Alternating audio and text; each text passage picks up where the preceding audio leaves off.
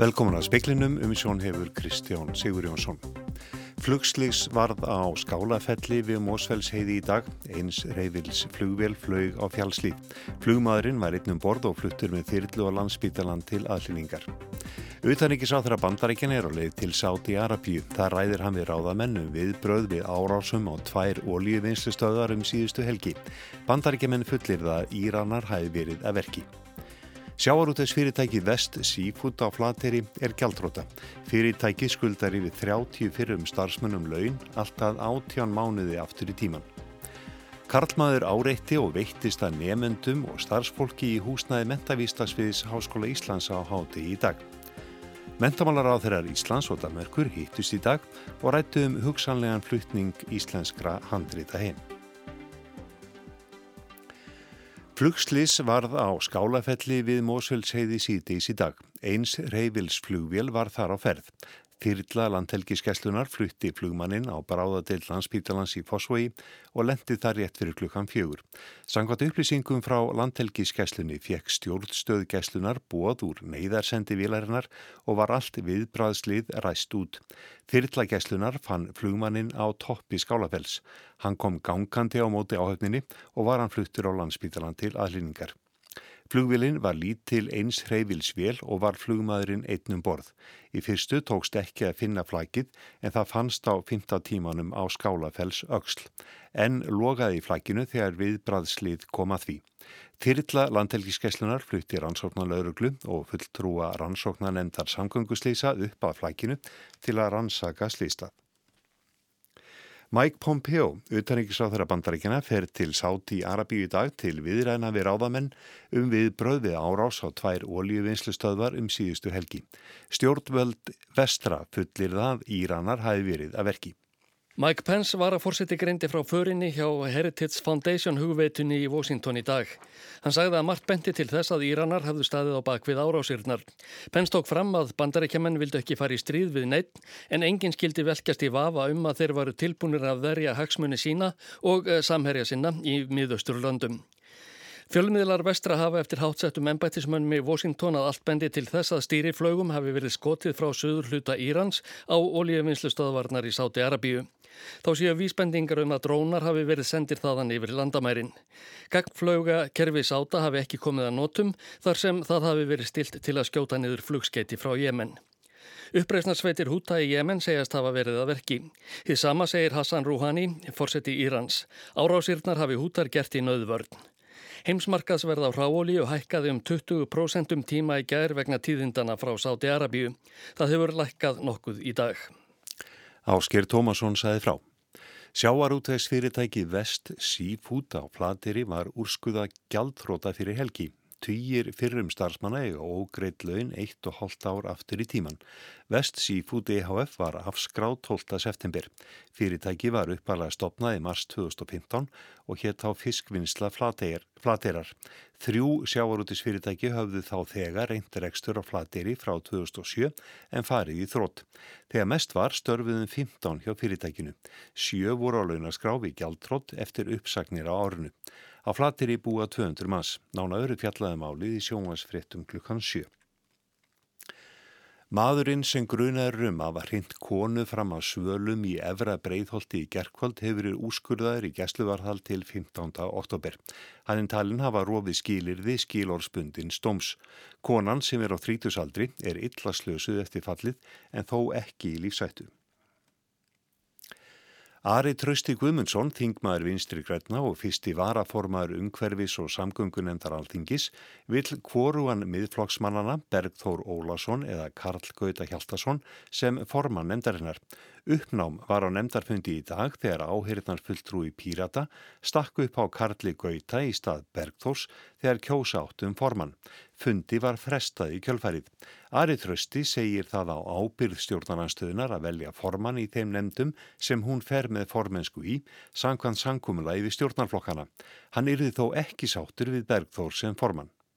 Ég var ekki sáttur við það síðastliðu vor og uh, mér finnst það ekki hafa breyst nokkuð skapaðan hlut, frekar styrst þegar síðan nefnda alþingis er búin að fælla sinn úrskurð og, og ég hef skoðað hans viðbröðið þeim úrskurði þannig að það er óskup sjálfgefi svar. Hefur þú stutt tilögu minnihlutarins um Karl Gauta sem formann? Eh, það kemur ekki til mála því að, að, að hann er náttúrulega með í þessu, þessari, þessum hópi. Hvern myndir þú vilja sjá sem formann í þessari nefnd? Ég myndi vilja sjá uh, hæfan formann, formann sem að uh, hefur ekki þetta á bakkinu og ég líti ekki svo á að, að þegar síðan nefnd alþingis er búin að úrskurða eins og þarna gerðist að það sé einhvers konar klappa bakið til viðkomandum að hann eigi að gegna trúnaðarstöfum fyrir alþingi. Saði Ari Trausti Guðmundsson, Sigriður Dögg Auðunstóttir talaði við hann. Katrín Jakobsdóttir fórsættisráð þeirra setti í dag alþjóðlega rástefnum áhrif MeToo-bylgjunar. Rástefnan var haldinn í hörpu, er haldinn í hörpu í Reykjavík næstu þrjá daga og er liður í formensku Íslands í Norrænu ráþæranendinni. Á rástefninni verður til umfjöllunar hvers vegna bylgjan varð svo stór og hvaða áhrif hún hefur haft. Fólk víðað hefur streymt hinga til lands vegna rástefnunar. Fyrirlesarar eru 80 talsins, þar að 50 elendir. Um 800 manns hafa bóðað komu sína. Nánar verður fjallaðum ráðstöfnuna síðar í speiklinum. OECD telur að ríkið eiga einblína og grænan hagvöxt. Í skýslustofnunarinnar sem var kynnt í gær er lagt til að kólefniskattar verði hækkaðir og skattstofn breykaður með því að skattleggja losun yðnar og landbúnaðar. Kristján Þór Júliusson, landbúnaðar á þeirra, segir ekki standa til að hækka kólefniskjaldi frekar en gert hefur verið nú þegar. Mér finnst alveg koma til greina að breyta skattheimtun í þá veru að reyna að íta og styðja frekar við þau markmið sem að stjórnum setja í, í, á heinum ímsu síðan loslasmálu með einhverjum öðrum. Hvernig þá? Já, það verða aðrir að segja til um. Þetta er í þokkalegu fari eins og þeir. Það er sjálfsagt að gera einhverjar áherslu breytingar. Saði Kristján Þór Júliusson, landbúnaðar og sjáurútes ráðara. Karlmaður áreitti og veittist að nefendum og starfsfólki í húsnæði mentavísindasviðs Háskóla Íslands á háti í dag. Sankant heimildum mbl.is sem greindi fyrst frá málunu beraði maðurinn kynfæri sín í kennslustofu og fróaði sér. Kolbrún Þorbjörg Pálsdóttir, fórseti mentavísindasviðs, segir að nefendur hafi greipið til sinna ráða. Beði manna hætta og koma sér út. Þeir hafi svo ringt á lauruglu sem kom fljótt á staðinn og hansamaði mannin sem hafi farið í félur í byggingunni. Madurinn hafi verið í húsinu í um 10 til 20 mínútur. Kolbrún segir að nefnendum og starfsfólki hafi verið mjög bröðið. Þeim hafi verið bóðin áfalla hjálp. Ekki náðist í lauruglun og höfuborgarsvæðinu við gerð fréttarinnar. Lili Alfredsdóttir, menta og menningamlar á þeirra átti fund með Ani Halsbú Jörgens, Jörgensen, mentamalar á þeirra dammerkur í Kaupmannahöfn í dag. Á fundir á þeirra lísti Lilja yfir áhuga Íslandinga á að endur skoða skiptingu handrita meðal annars úr sapni Árna Magnússonar en um 700 íslensk handrit eru enn varveitt í dammerku. Í tilkynningur áðuniti sem segir að ráþrætnir hafi sammælst um að hefja undirbúring að stopnun samráðsnemndar um sameinleg menningar verðmæti þjóðana. Formannskjöri félagi framhalskólakennara hófsta háti í dag. Atkvaða greislan er rafaræn og stendur til klukkan 2 á mánudag. Tveir eru í frambóði til formans. Guðjón Reitn Haugsson, starfandi formaður og kennari við mentaskólinu á Akureyri og Gunnar Holmstein Ársælsson, kennari í fjölbreytaskólanum í Garðabæ. Kjörtímabil formans verður frá næstu mánuðamótum til næsta reglulega aðalfundar félagsfarmarskólkennara árið 2022. Guðrýður Arnarstóttir var kjörum formaður á síðasta aðalfundi en leta því ennbæti þegar hún var ráðinn skólamistari mentaskólans í Kóbói. Lauraglan á Norðurlandi vestra sektaði aukumenn um rúmlega 322 miljónu króna vegna umferralaga brota á fyrstu átta mánuðum ársins.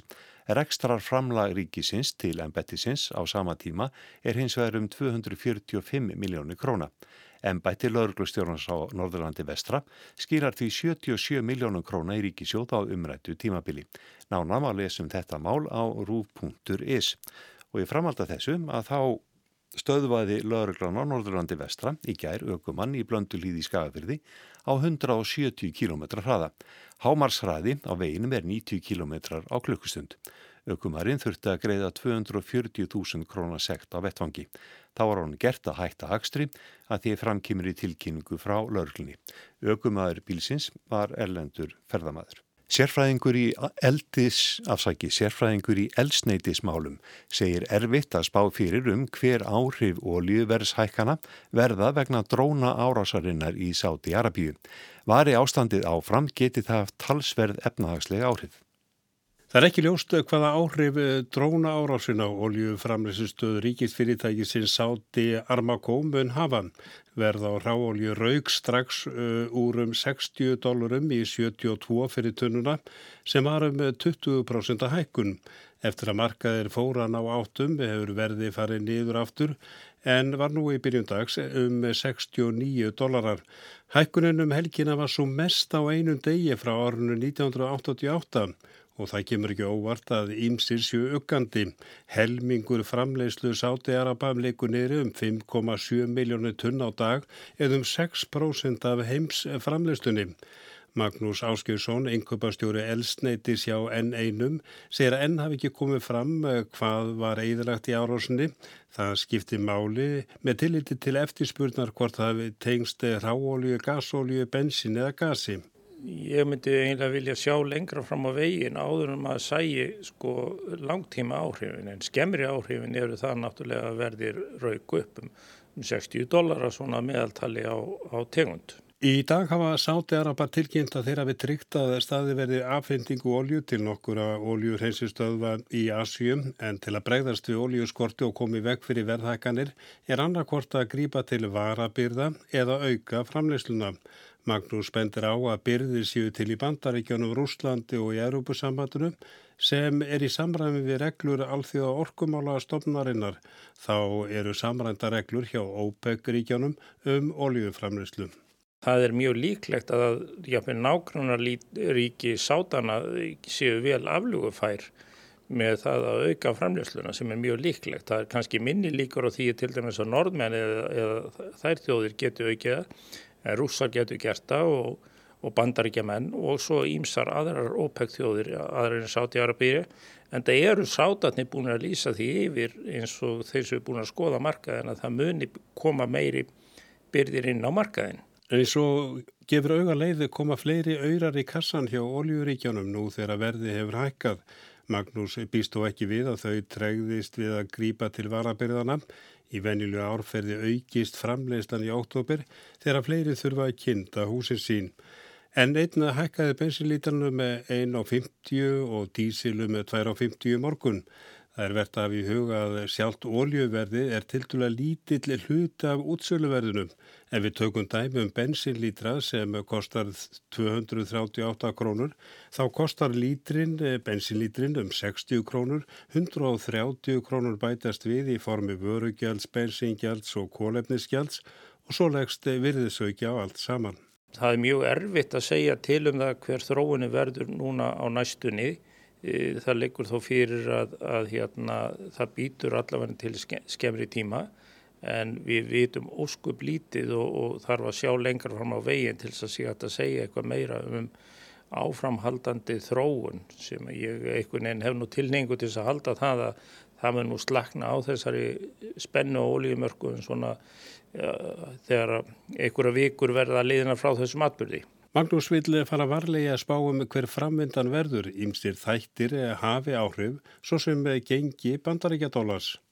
En það liggur alveg augum uppi að, að svona hækkun hefur auðvitað áhrif inn á alla markaði, hversum það er varðandi elsneiti til aukutækja eða flutninga á sjó eða í, í lofti. Elsneitis verði nefnur um 3,5% af vísitölu neysluverðs og getur því hleyfti verðbólguna stað. Það getur haft áhrif á ferðarþjónustuna og svo mætti lengi telja. Við höfum gengið í gegnum nokkrar oljukreppur.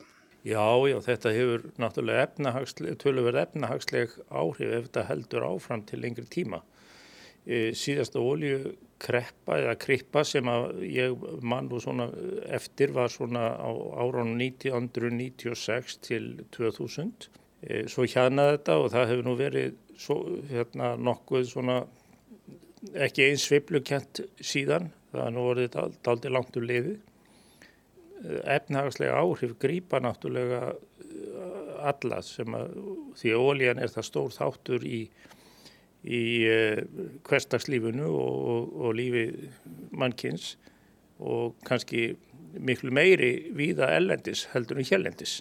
Það er ekki enn ljóstu hver framvendan verður þó að stíðustu frettir í dag bendi til þess að ráur oljuverðið sé að lækka, hafi lækkað um 6% sem afir degin.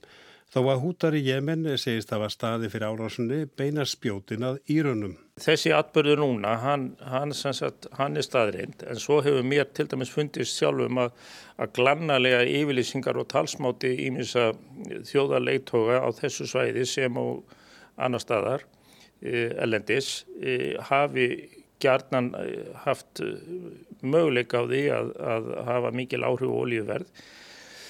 Það hefur nú sem betur fyrir ekki gengið eftir. Þetta er mjög ófríðar svæði og, og verðist ekki þurfa mikið til og til dæmis þegar þeir voru þarna taka olíuskipu um daginn í Gíbraltar þá hérna áttum að vona því að það geti haft einhver alvarleg áhrif á markaðin sem ekki varð. Þannig ég myndi nú maður horfið aldrei til þessa svæðis alltaf þegar yfirlýsingar koma og, og, og vonar náttúrulega þar sem annar staðar ríkið svona þokkalegu friðu þannig að far ekki, það far ekki allt í bál og brand. Þetta var Magnús Áskeirsson, Arnar Pál Haugsson talaði við hann.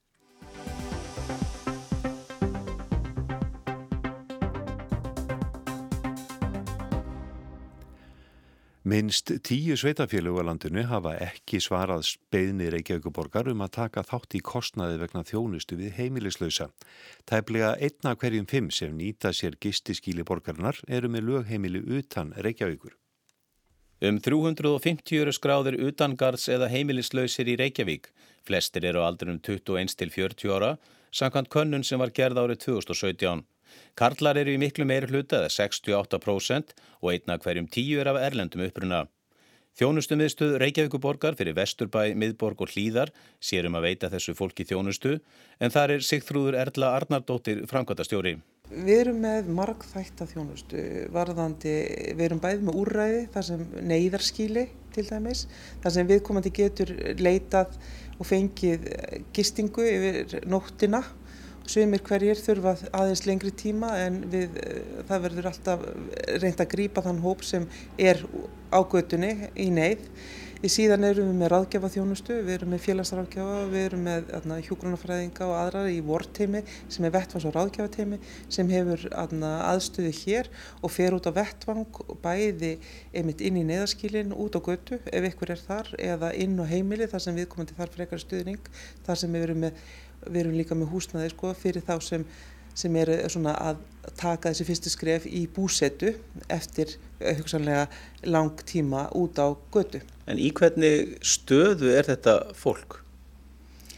Staðan er náttúrulega hjá hópnum er mjög mismunandi eftir því eh, ymsum bakgrunnsbreytum varandi hvaðan við komum til að koma og hvað hefur dunið á af því að oft á tíðum eru þetta einstaklingar sem hafa lendt í áföllum eða eru með geðræna erfileika eða hugsanlega þróska eh, frávik sem eru gera það verkum að þeir eiga erfitt með að halda utanum um þetta að reyka sig í þessu almenna samfélagi okkar. Og svo hefur verið að blandast inn hjá þó nokkrum prósundum í hópnum en ekki öllum e, fíkn eða fíkni erfileikar þar sem viðkomandi ræður ekki við neysluna sína. Og það gerir það verkum að viðkomandi hefur hugsanlega mist þá þannan grunn að eiga í einhver hús að vernda þá hjá vinum eða ættingum eða annað og hefur þarlegandi endað á þessum stað næri ekki að halda utanum húsnæði og er komin í ágötuna.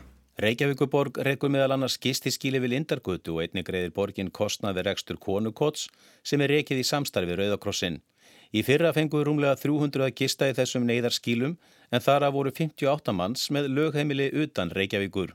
Hvaðan sem viðkomandi kemur af landinu að þá sjáum við að fólk er að leita til Reykjavíkur sem er komin í þennan vanda og hvort það er, eða af hverju það er, þá held ég að sé bæði það að það vantar úrræði í mörg sveitafélagi til þess að taka á við þetta, bæði félagslega rýbúður og það vantar neyðarskíli og annað sem þarf til, til þess að taka á móti þeim hópi sem hefur mist húsnæði sitt. Reykjavíkuborg ætlar að setja um 1200 miljónir í þennan málaflokk á þessu ári og hefur óskað eftir því að viðkomandi sveitarfélög greiði gistináttagjald fyrir þá sem eru með lögheimili þar. Tíu sveitarfjölug hafa hins vegar ekki svarað beini borgarinnar. En frá seinustu áramótum þá sendum við bref til allra sveitafélagi á landinu og buðum þeim að taka, gera samning við Reykjavíkuborg um gistináttagjald. Þannig að þegar einstaklingur er að koma úr öðru sveitafélagi og sækir þjónustu hingað að þá sé sagt, geti viðkomandi sveitafélag greitt fyrir þann kostnað. Mörg sveitafélag hafa tekið og gert samning við okkur en það eru þó nokkuð mörg sem því miður hafa ekki gert það. Vitu við akkurju? Nei, það veit ég ekki. Ég held kannski að það sé um, bara ákveð hugsunarleysi hvað er já, um þann vanda sem einstaklingarnir eru í sem eru komnir hingað á göduna. Eh, við höfum allavega haft það vinnulag að þegar það kemur einstaklingur inn í neyðaskili hér í Reykjavík að þá er haft samband við það sveitafélag sem viðkomandi er með lögheimili í. Það er látið vita því að viðkomandi hafi komið inn í neyðaskilið og það sem við gerðum til dæmis fyrir 2018 og þá sendum við bara upplýsingar til þess sveitafélags varandi hverjir höfðu verið eða hversu margar nætur viðkomandi eða einstaklingar sem höfðu verið með lögheimili í því sveitafélagi hafa verið í gistingu hér í Reykjavík sagði Sigþrúður Erla Arnardóttir. Höskuldi Káris Gram tók saman.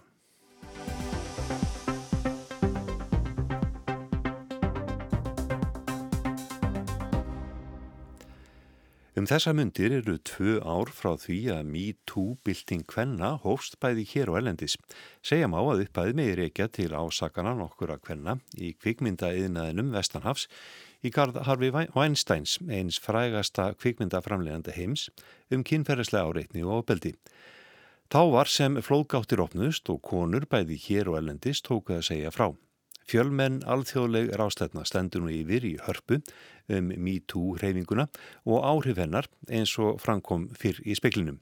Gíða Margret Péturstóttir, dósent í kynjafræði við stjórnmálafræði deilt Háskóla Íslands, hefur ásand fleirum rannsakað MeToo-byltinguna hér á landi. Speillin rætti við hana í dag.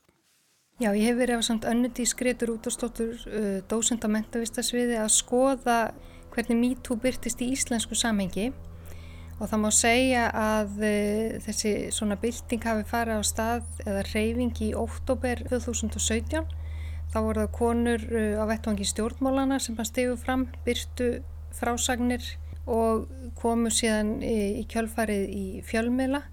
Og þar fór þá boltin að rúla og þetta voru allt í allt voru þetta þá 16 ólíkir kvennahópar, flestir þeir er tengtir starfstjéttum sem að stegu fram.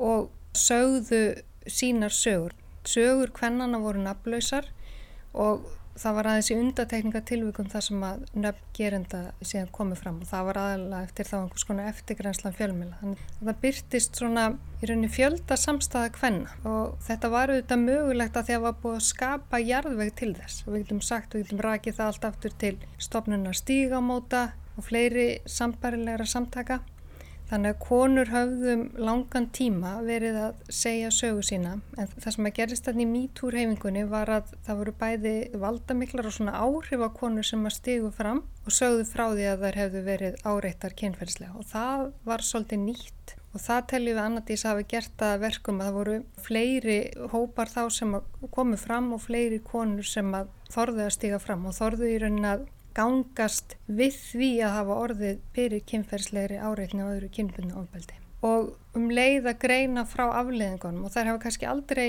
svona einhvern veginn leift sér að setja þetta í þetta samhengi. En MeToo-hreyfingin, þessi fjöldasamstaða, gerði það mögulegt. Hvernig brást samfélagi að bæði konur og karlar við þessu? Já, mér fannst áhugavert svona strax til að byrja með að þá voru eins og viðbröð karlað ákveðin vantrúinum leið svona sjokk og og margir sem virtust í rauninu svona miður sín og í kjölfarið þá var rætt við Karla sem voru svona í forsværi kannski fyrir hérna ímsu hópa Karla og það var svona virtist vera vilji til þess að svara þessu kalli sem að í rauninu byrtist í þessum MeToo frásögnum að því að það er auðvitað ekki nóg að konur bara segi sögur þá þarf síðan að koma í veg fyrir að nýjar sögur verði til. En það er kannski það sem að mér finnst svolítið hafa orfið síðan úr umræðinu. Ég, ég verð ekki eins mikið vör við það að karlar sé að grípa bóltan eins og byrtist þarna í byrjun. Getur verið að uh, já, það hefði bara gerst þegar þú hljóðlust að viðhorfum hefði breyst? Já, sko, ég myndi auðvitað vilja trúa því en ef við horfum á samfélag okkar í dag þá er mjög fátt sem bendir til þess En það sem auðvitað þarf að gera, það þarf að eiga sér stað viðhorsbreyting og í rauninu svona menningarbreyting. Það er oft talið í þessum samhengjum nöðgunamenningu og það má alveg fella kynferðsla áreitni undir það. Nú það sem að konur gerðu er að þær sögðu ég líka þar sem skengustu því að hafa verið áreittar, verið beittar ábeldi og það sem að þarf þá að gera svolítið líka er að þeir sem eru að beita ábeldi þurfa að gangast við því að hafa beitt ábeldi. Nú oft er þetta svo einhvern veginn rótgónar og hluta menningu okkar að við gerum okkur einfall ekki grein fyrir því að við séum að ganga á aðra mannesku með þessum hætti, fara við mörg annara mannesku Þannig að þetta auðvitað krefst svona ákveðinar sjálfskoðunar en síðan auðvitað að bindast fjöldasamstöðu. Þannig að núna er ég svolítið að tala um að það er svo mikilvægt ef við ætlum að breyta menningu að þá þurfa þeir sem hafa verið áreita að gangast við þessum þáttum í sjálfu sér og vera tilbúinir að stíga fram. Og þá þurfum við sem samfélag að skapa í rauninni jarðveg til þess að það sé mögulegt. Hvernig er þá staða núna eftir tvö ár? Hefur í raun og veru lítið breyst? Já, það virðist nú vera um eitt upplöfun margra að það hafi lítið breyst og það eru þetta vonbreyði vegna þess að í þessari MeToo reyfingu sem að sumi vilja tala um sem byltingu og þá þetta vöknuð vonir um að nú myndi eitthvað breytast. Nú vera að halda ráðstöfnu hér í hörpu og þá á um þetta ræða hver eigi að vera svona næstu skref og ég þá aftur vona að það verði hvati að því að við um eitt sem samfélag þá þurfum að leita leiða til þess að uppræta þessa menningu. Og þá er ekki, sko leiðin er svo svolítið farin í bandaríkjum og þá var semst að nafngreina einstaka karla. Og svona til lengri tíma að þá er svo nálgun eftir vill ekki mjög heppileg, það getur verið nöðsynlegt að gera það líka en síðan er svo mikilvægt að við sem samfélag leitum leiða til þess að breyta þessari menningu og þá að kallar gangist við í rauninu þessum þáttum í farið sínu, þeir sem þurfa þess. Ertu vongóðum að þetta gerist á næstu árum? Ég sem kynjafræðingur er, sko ég get ekki verið í þessu jobbunum, ég væri vongóð og bjart sín.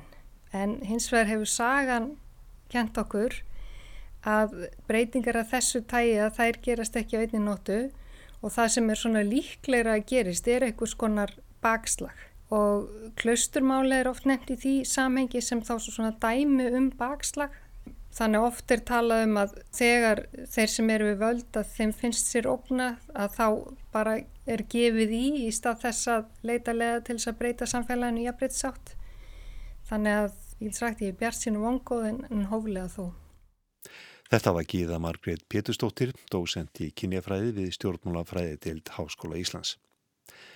Það var helst í speiklinum í kvöld að utanengisar á þeirra bandaríkjan er á leið til Sáti Arabíu. Það ræðir hann við ráðamennu viðbröð við árásum á tvær olíuvinnslustöðar um síðustu helgi. Bandaríkjaman fullir það Íranar hafi verið að verki. Flugslís varð á skálafelli við Mósfells heiði í dag. Eins reyfils flugvél brotlendi á toppi fjálsins. Flugmaðurinn var einnum borð og fluttur með þyrrlu á landsbítalan til aðlýningar. Sjávar útvegs fyrirtæki Vest Seafood á flateri er gjaldróta. Fyrirtæki skuldar yfir 30 fyrrum starfsmunum laun alltaf átján mánuði aftur í tíman. Mentamála ráð þeirrar Íslands og Danmerkur hittust í dag og rættum hugsanlegan flutning íslenskra handrita heim. Viðstofan spáir hægt vaksandi austanátt í kvöld og skúrum á Suðausturlandi en annars verður þurrt. Suðaustan og austan 8 til 15 metrar á sekundu á morgun en 15 til 20 með Suðuströndinni þanga til síðdeis. Víða verður rigning og talsverð á Suðurhelmingi landsins. Híti verður á bylnu 6 til 11 stig yfir daginn. Það var Magnús Þóstedt Magnússon sem að sendi speilin út. Verið sæl og góða helgi.